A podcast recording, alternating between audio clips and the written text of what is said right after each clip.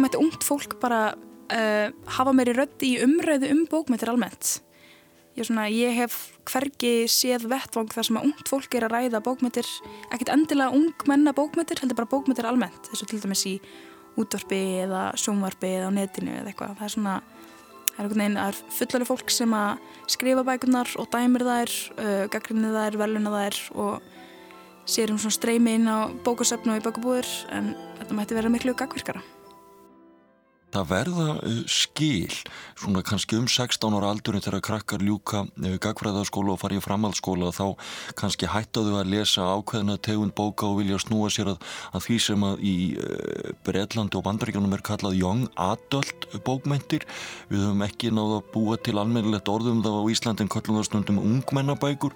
En bækurnar í þeim flokki eru mjög fáar því að, að þetta er kannski markkópur sem telur þrjá fjóra árganga Það er mikil samkeppnum aðtegli barna og úlinga í dag og við sjáum það líka í alþjóðlegum konunum að leskilningur, honum hefur rakað og ég held að sé alveg ljóst að við þurfum að, og ég hef talað þannig sem mentamálar á þeirra, að við þurfum að grípa til aðgerða til þess að spórna gegn þessari þróun.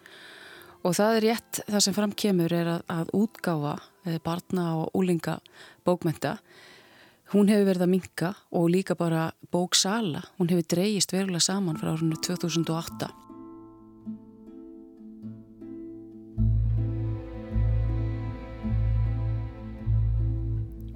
Við heyrum oft talað um að færri lesi og að bókin eigi undir högg að sækja. Börn hafa ekki áhuga lestri, færri lesi seti gamans og að leskilningu fari dvínandi. En er það rétt að ungt fólk sé hægt að lesa og ef svo er, hvers vegna?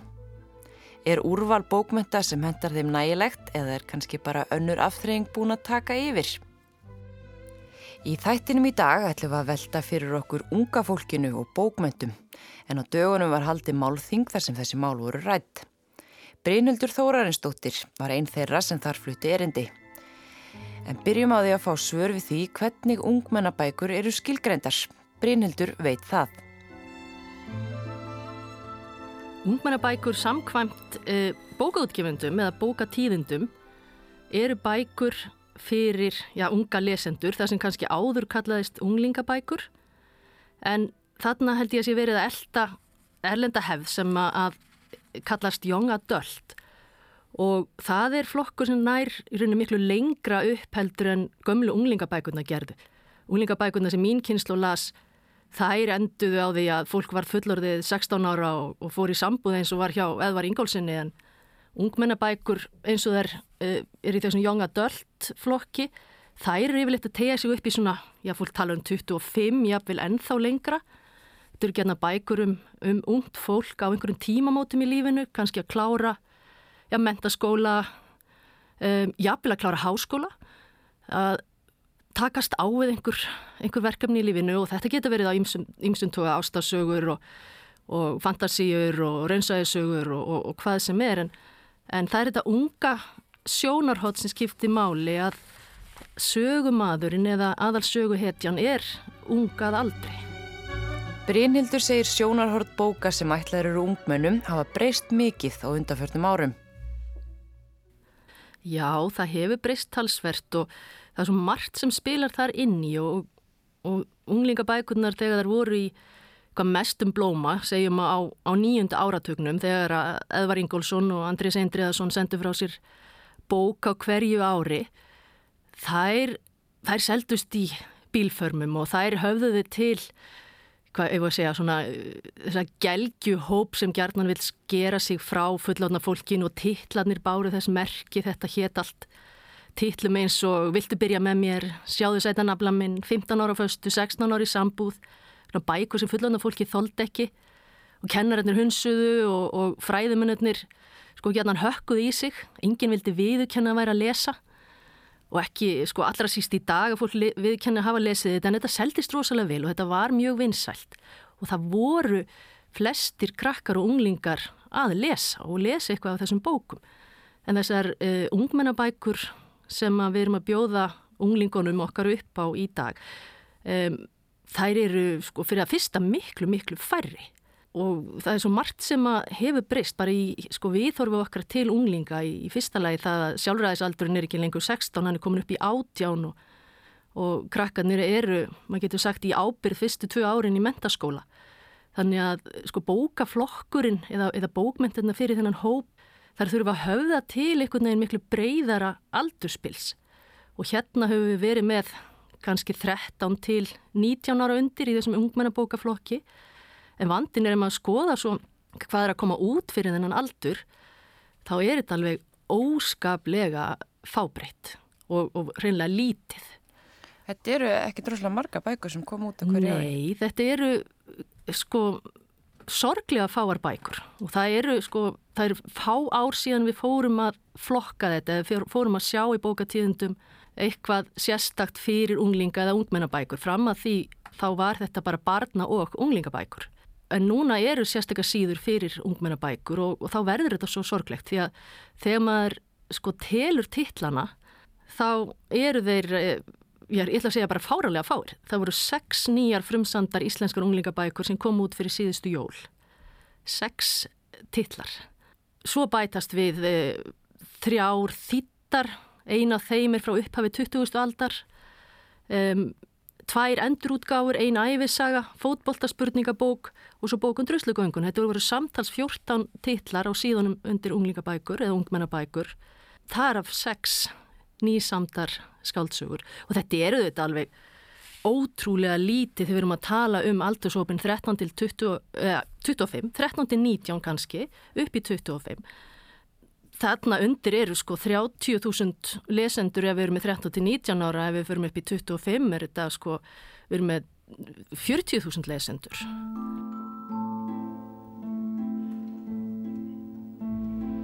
Hafa þau eitthvað að lesa? En svo Brynildu kemur inn á þá kom út sex íslenska bækur ætlaður ungmennum á síðasta ári.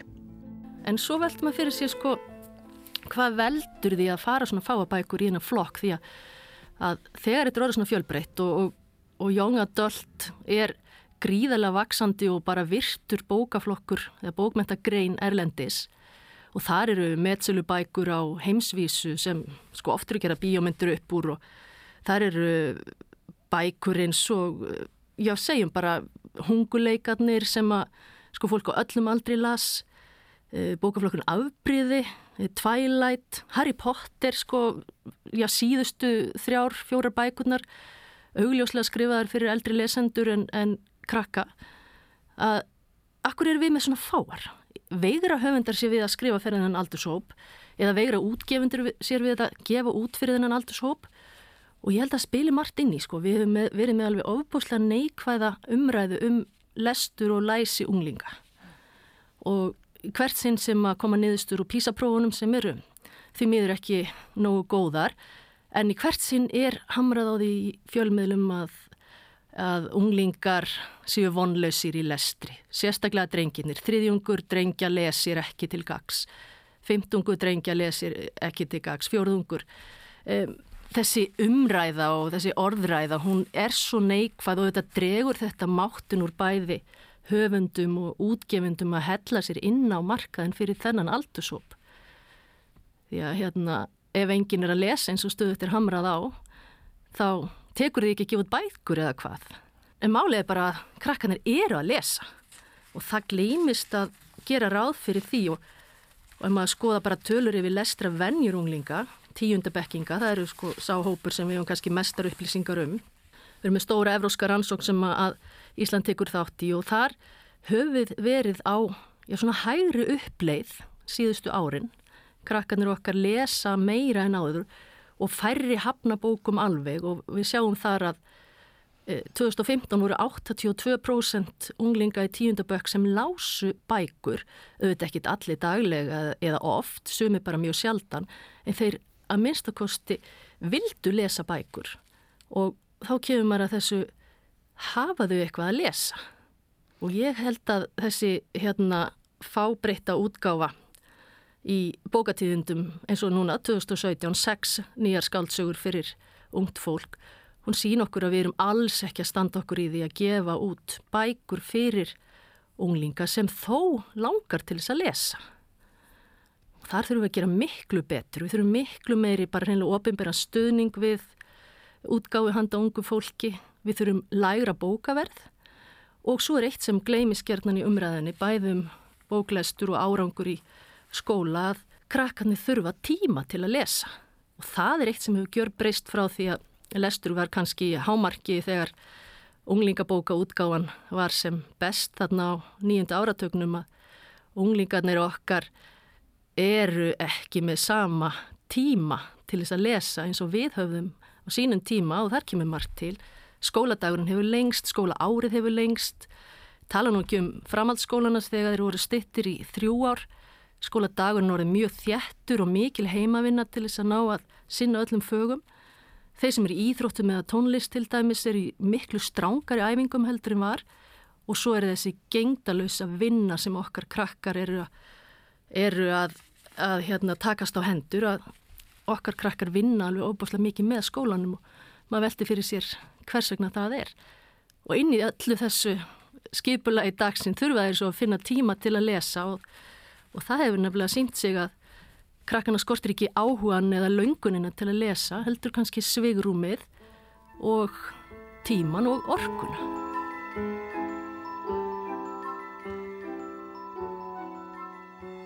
Og svo kemur inn öll önnur afþreng, samfélagsmiðlar, tölfur og annað. Bókin hlýtur að eiga eitthvað starf undir höggasækja. Hún áendur höggasækja, algjörlega. Hún áendur höggasækja og hún er að keppa við, hún er að keppa við svo hraða miðla. Og sérstaklega ef við erum að horfa á Netflix eða þessar serjur, allar það sem maður getur kallað alltaf fram næst og næst og næsta þátt. Ef þú ert að býða eftir næstu fantasi og þarfst að býða eftir kannski þýðingun í, í heilt ár, þannig að næsta kemur út hvað gerir þau þá? Þegar maður er vanur að fá alltaf nýtt og nýtt á, á Netflix, maður leggur hennar frá sig fyrir að gera eitthvað annað. Eða eins og margi krakkar gera sem langar að lesa og er að lesa uh, þokkalega mikið að þeir skipti yfir í ennsku. Og það er útaf fyrir sig stórt áhyggjafni. Því auðvitað viljum við að börnir sé að lesa, þau fá skáldsögur og þau læra að setja sér í spór og upplifa samkend og viðsynni og og ímyndunaraflið, eikst og allt þetta jákaða við bókmentir að lesa á ennsku líka en orðaforðin, íslenski orðaforðin vex ekki og, og tilfinningin fyrir rítmálun, allt þetta sem við erum að byggja upp til þess að standa okkur svo vel í, í skóla og í þessum ofinböru mælingum, það kemur auðvitað ekkert með uh, ennska lestrinum og, og íslenskan er þarna í gríðalegri varnabarat og ég held að fólk átti sig almennt ekki á því hversu miklu máli bókmentir fyrir unga fólkið, börn og sérstaklega unglinga og ungmenni í framhaldsskólum hvað skipta miklu máli upp á að viðhalda íslenskunni að verði hérna hægt að lesa og skrifa á íslensku áfram. Og þarna höfum við sem samfélag hreinlega bara brugðist. Þar kemur inn í þetta litla úrval og, og þegar maður svo ber saman til dæmis rannsóknir á uh, íslensku kennslu í í grunn- og framhaldsskólum, rannsóna lestrarvenjum. Um, þetta er alltaf, þetta kallast allt á. Krakkarnir les ekki nóg, leskilningurinn er ekki nógu góður. Þau langar að lesa meira, kennarinnir hafa áhyggjur að því að þau les ekki nóg. Þeir, þeir hafa áhyggjur að því að orðaforðin sé slagur og þeir ráð ekki við e, sömu verkefnu og áður. Að rítmálið sé á undanhaldi og allt sé að verða svona svolítið skeitastíl og þetta lög við ekkert með því að leggja fyrir fleiri próf eða, eða hérna endalust að hamast í, í kennurum fyrir að hafa klúðrað einhver heldur við lögum þetta með því að halda bókum að börnunum. Gefa út nóg af fjölbryttu og spennandi lesefni og, og hvernig lögum við það að, að sex bækur komi út fyrir unglinga? Þetta er, þetta er svo hérna sláandi lítið. Við þurfum að gera svo miklu, miklu betri til þess að standa okkur og, og ímyndað er til dæmis að vera lestrahestur, 16 ára lestrahestur og, og lestrahestar lesa gerðnan allt sem kemur út. Eh, þú getur fengið allar þessa bækur í jólagjöf og verið búið með það fyrir áramót. En hvað þá?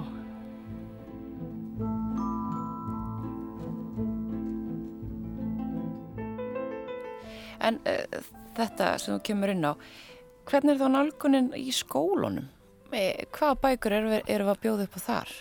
Já, það er kannski annar hluti af þessu sama ef við ætlum að fá börn og unglinga til þess að lesa meira og langa til að lesa meira þá þurfum við þetta að taka meira inn í skólana af bókum sem að höfða til þeirra og við höfum ekkert verið að standa okkur neitt rosalega vel að, að þessu leiti og ef við byrjum bara í, í grunnskólunum og unglingastínu þar að það er því miður þannig á allavega einhverju stöðum að það sem kent er er það sem til er í bekkjarsettum á, á skólasafninu. Og skólasöfnin voru skorinn harkalega niður við hrun. Þau voru lengi lengi að, að ná sér á strykur vonandi að, að komast í svona sæmilegt horfa aftur en, en varðla búin að ná því sem þau voru með í innköpa fyrir hrun.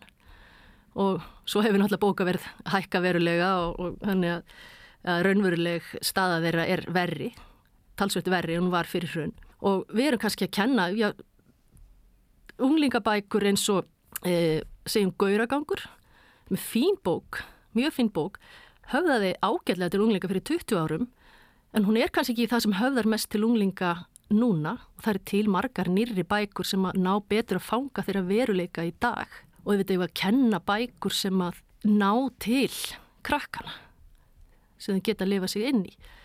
Og við höfum einfallega ekki verið að standa okkur í því að bjóða upp á nægilegt úrval í skólasöfnunum, úrval til þess að taka inn í kennslu og við erum svolítið först í því að kenna eitthvað sem að hefur hennan óljósa titil já, hvað er að segja, fagur bókmentir að stimpla það sem að börnin er að glýma við gott og slæmt eftir því hvort það er sko skrifa fyrir unglinga eða skrifa fyrir fullordna og þá undir þessum, þessum hérna, hatti fagurbókmentir og þannig koma nefnendur heim úr skólanum með óljós verkefni eins og skrifaðu bókmentaritgerðum fagurbókmentir að eigin vali. Og, og hvað eru þá að draga mörkin og, og hvað möguðu glíma við? Þau er sumir er að glíma við e, Íslasklukkuna eftir Lagsnes þá eru aðrir að lesa Arnald Indriðarsson og, og báðir kannski að, að hérna, í svo litið erfiðri glímu við textan.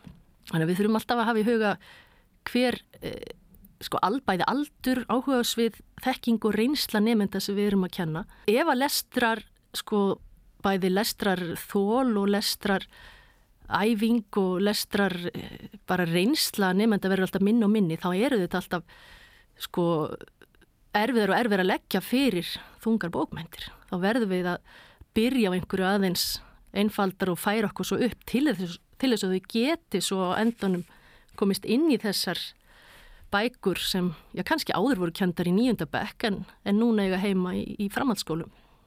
Svona færast aftar. Þetta er að færast aftar og, og, og það er eitthvað sem að, já við verðum bara reynilega að takast á við að við getum ekki endalust haldið áfram að kenna um, sömu bækurnar bara þeir eru til í nýjundu og tíundu bekk á þess að taka þær tillit til þess hvernig sko reynslu heimur nefnd er að breytast.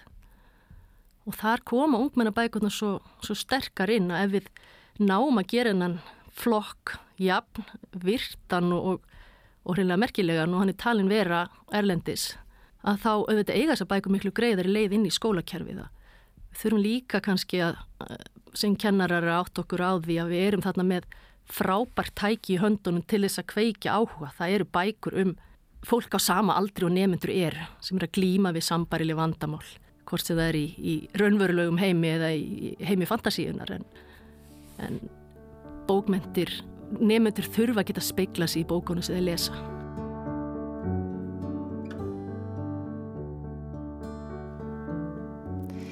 Það er ljósta bókin áundur höggað sækja þegar kemur að afþreyingu enda nóg í bóði. Brynildu vísaði rannsók sem sínur að ungmenni lesi meira en áður og færri hafni bókum alveg. Þannig að áhugin virðist vera til staðars. Melgorga Gunnborg Bræjansdóttir er nefandi í mentaskólanum í Hamralíð. Hún segir misjátt hvað ungt fólk lesi mikið en það sé mikið að gera hjá þessum aldursóp. Sjálf lesun mikið þó hún myndi gertnan vilja hafa meiri tíma til lestus. Ég held að það fara svolítið eftir hópum. Ég held að það fara bara svolítið eftir svona í hvaða, í hvaða mengið þú ert og hverju þú ert að umgangast og hvort það þeir séu að lesa. Þannig ég held að það sé svona, um, En svona almennt séð kannski, svona hinn dæmigerði íslenski úlingur er kannski ekki að lesa neitt sérstaklega mikið og ekki, ekki nógu mikið því miður. En um, það er kannski spurning uh, hvort að ungt fólk sé bara að lesa meira á netinu, greinar, uh, pistla, fréttir, svona þannig að þetta er kannski bara spurning um að lestur sé að færast inn á eitthvað annars við, en svona lestur bóka er kannski um, ekki að mikill og hann mætti vera.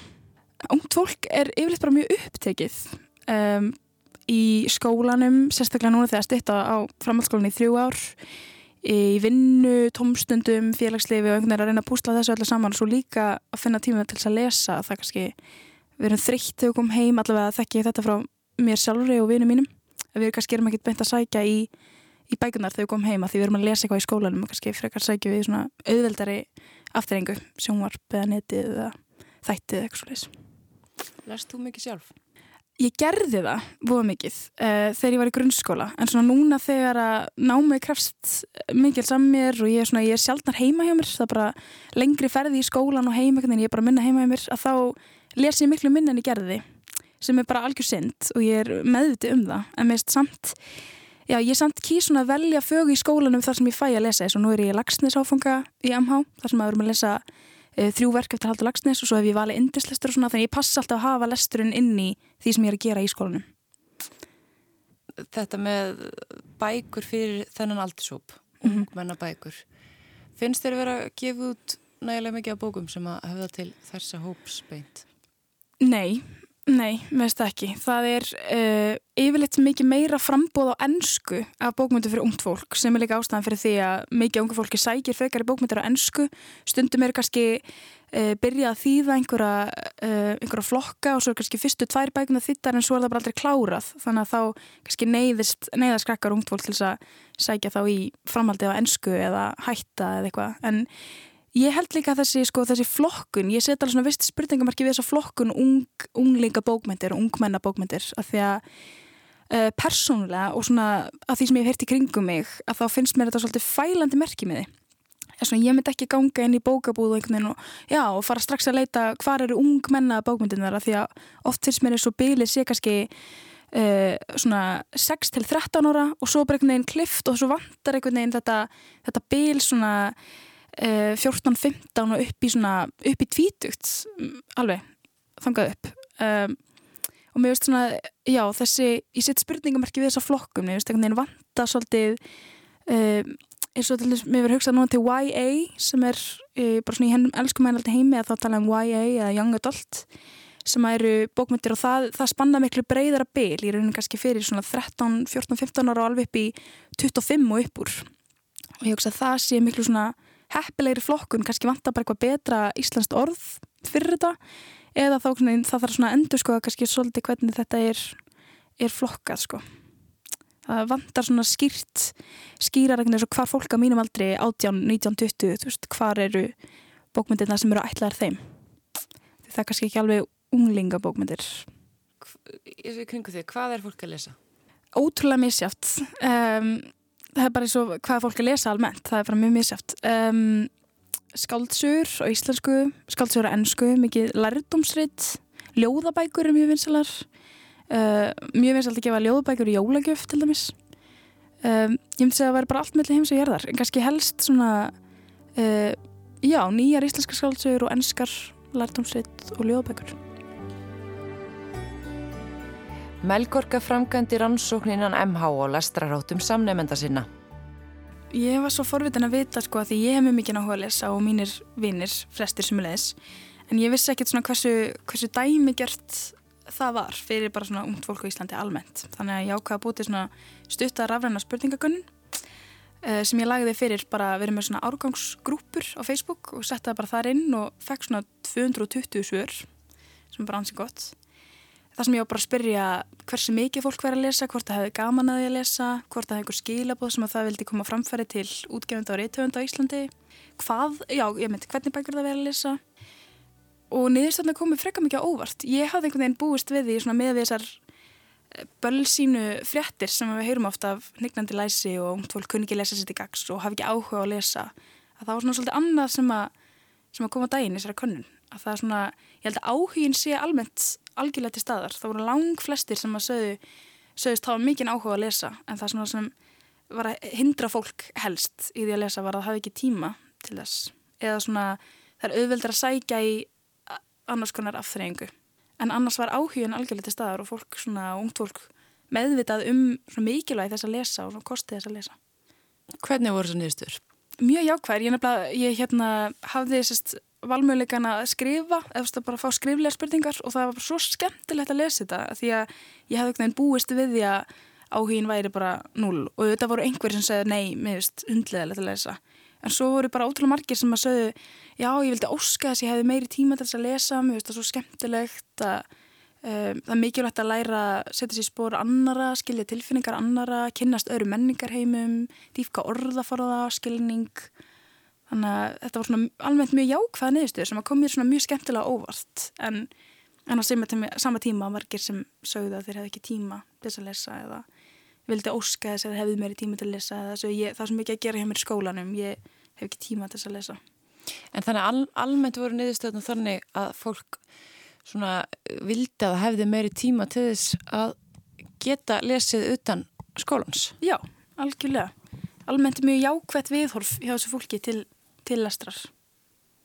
Og flest, já, það er svona flestir sem sögast lesa svona eina til fimm bækur utan skóla á ári sem er ekki mikið en, en þó eitthvað. En svo voru samt einhverju nýju sem að sögðist lesa fleiri en 30 bækur þannig að þetta er svona að mjög misjáft og þetta eru þess að neyðustöður ekki dandilega heilagur sannleikur fyrir alla framhaldsskólunemndur í Íslandi en þetta er samt eh, gefur hann hansi, hansi góða mynd.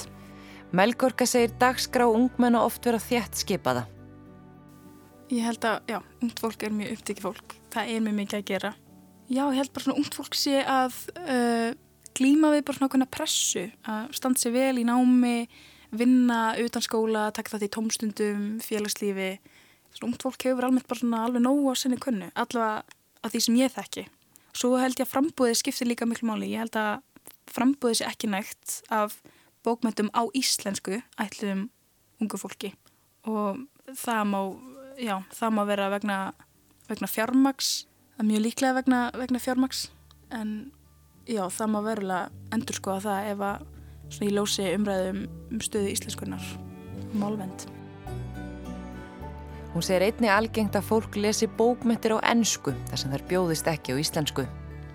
Ég hef mikið tekið eftir í, í kringum mig að fólk er mjög ofta að lesa á ennsku uh, og þá bara já, skaldsögur sem að þau kannski finna bara ekki íslenska þengin er ekki til eða þá kannski eitthvað sem er á frummálunu og fólk sækir í að lesa það á ennsku því það var skrifað á ennsku en ég held að sé, það er mjög algengt að já, ungt fólk les meira á ennsku vegna þess að frambúða á íslensku er kannski bara ekki nægilegt eða ekki að höfða til sem, sem skildi.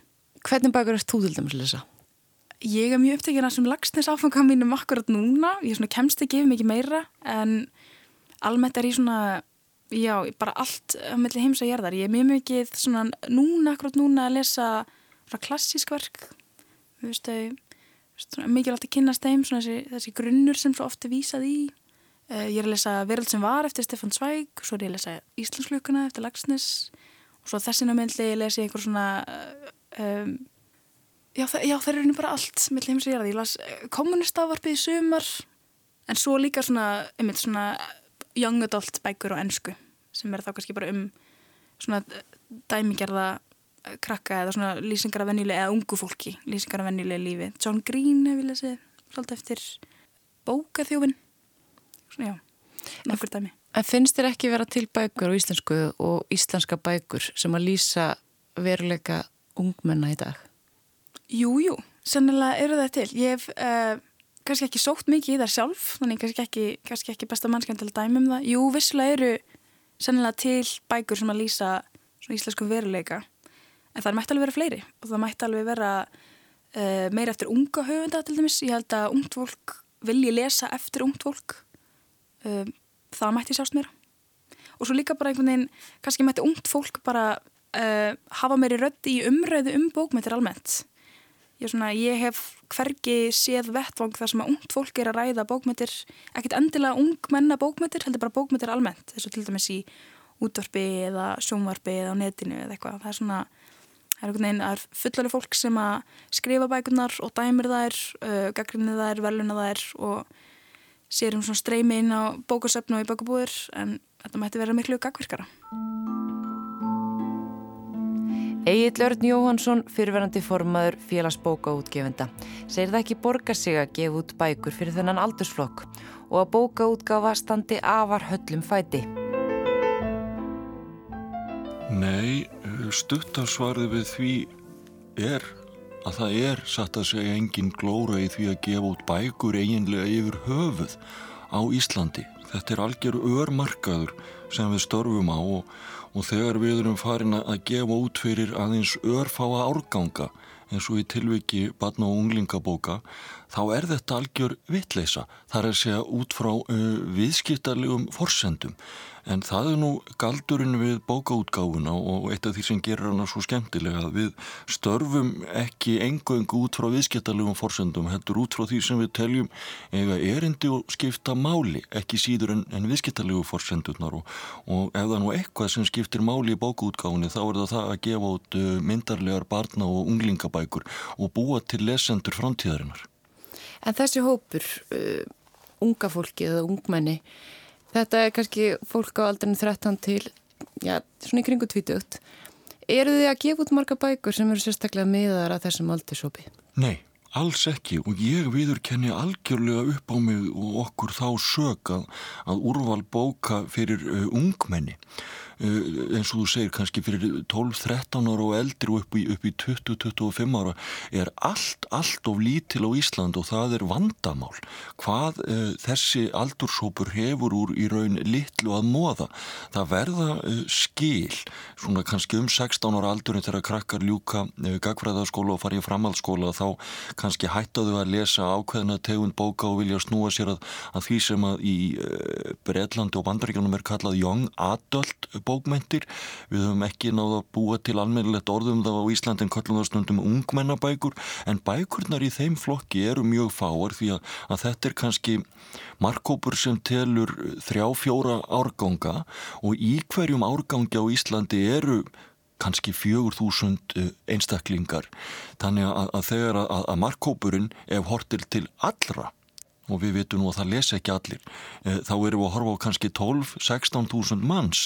Eh, og til þess að bókstandi undir sér í útgáfu eh, er stundum talað um sem þumalputta reglu að þurfa að selja 1800 til 2000 eintök. Og það er orðin ansi, stór, ansi stórt hlutfall þessa markkóps sem þarf þá nöðsynlega út frá viðskiptarlegu fórsendunum að kaupa bækurnar sem að er sjálfnast í miður og kannski eðlilega að einhverju leiti en uh, það koma þó út uh, nokkur sem betur fer fjöldi bóka fyrir uh, þennan aldursóp en við mögum gera miklu betur ef vel á að vera Hvað þarf að koma til til þess að sé hægt að gefa út þessa bækur og, og, og hvað er líka vandin? Er það, hjá, er það vegna þess að fólk er ekki að kaupa þær eða er það vegna þess að það er út dýrst að gefa þær út?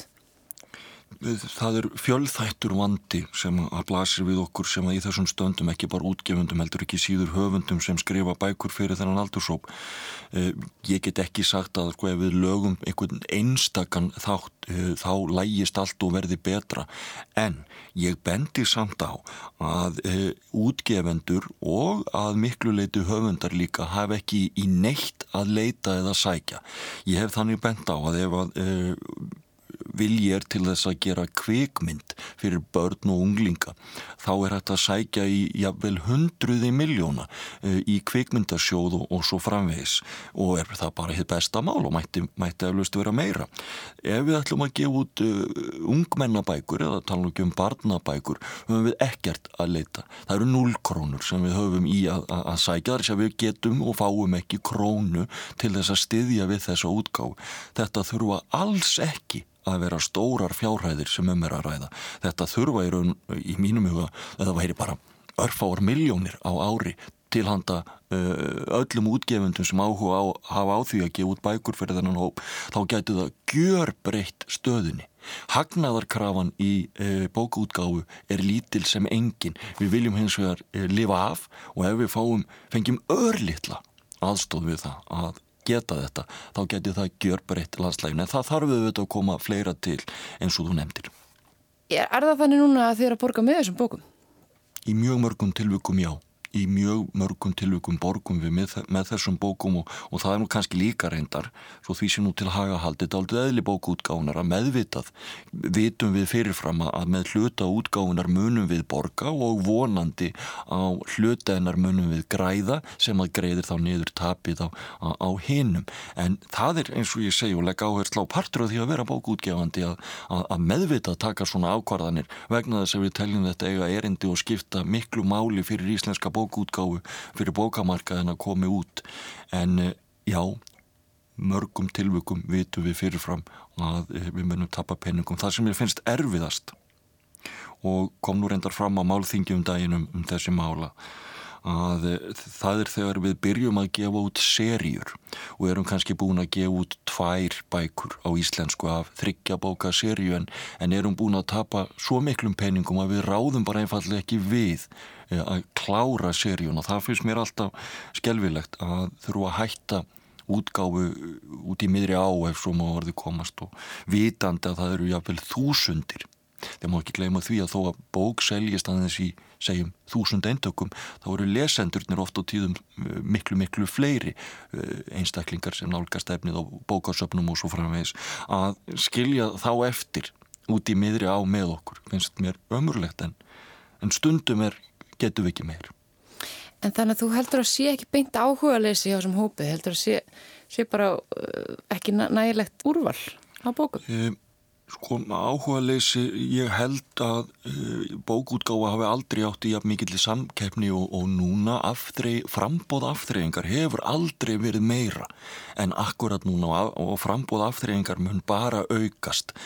Við verðum hins vegar sem útgefendur að reyna að eh, fá okkar aðtegli, eh, reyna að draga lesendur að bókonum til þess að svo sé þá verður að vera einhvert frambóð. Það náttúrulega segir sér sjálft að það verður mjög erfitt að draga íslensk ungmenni að bóklæstri í auknum mæli ef frambóðið er lítið og lélegt og þetta er svona E, býtu daldur í, skottið á sjálfu sér uh, þetta vandamála hérna, en, en það þarf lítið að koma til til þess að þetta geti breyst og úrvalið stóru aukist og eins og ég segi ef, ef að e, það væru eirnamertar örfáar miljónir á ári útgáfu barna og ungmennabóka svo sem í formi styrkja frá miðstuð íslenskra bókmenta gæti það gjör breytt þessu landslægi og útgáfan í tvöfaldast, þrefaldast.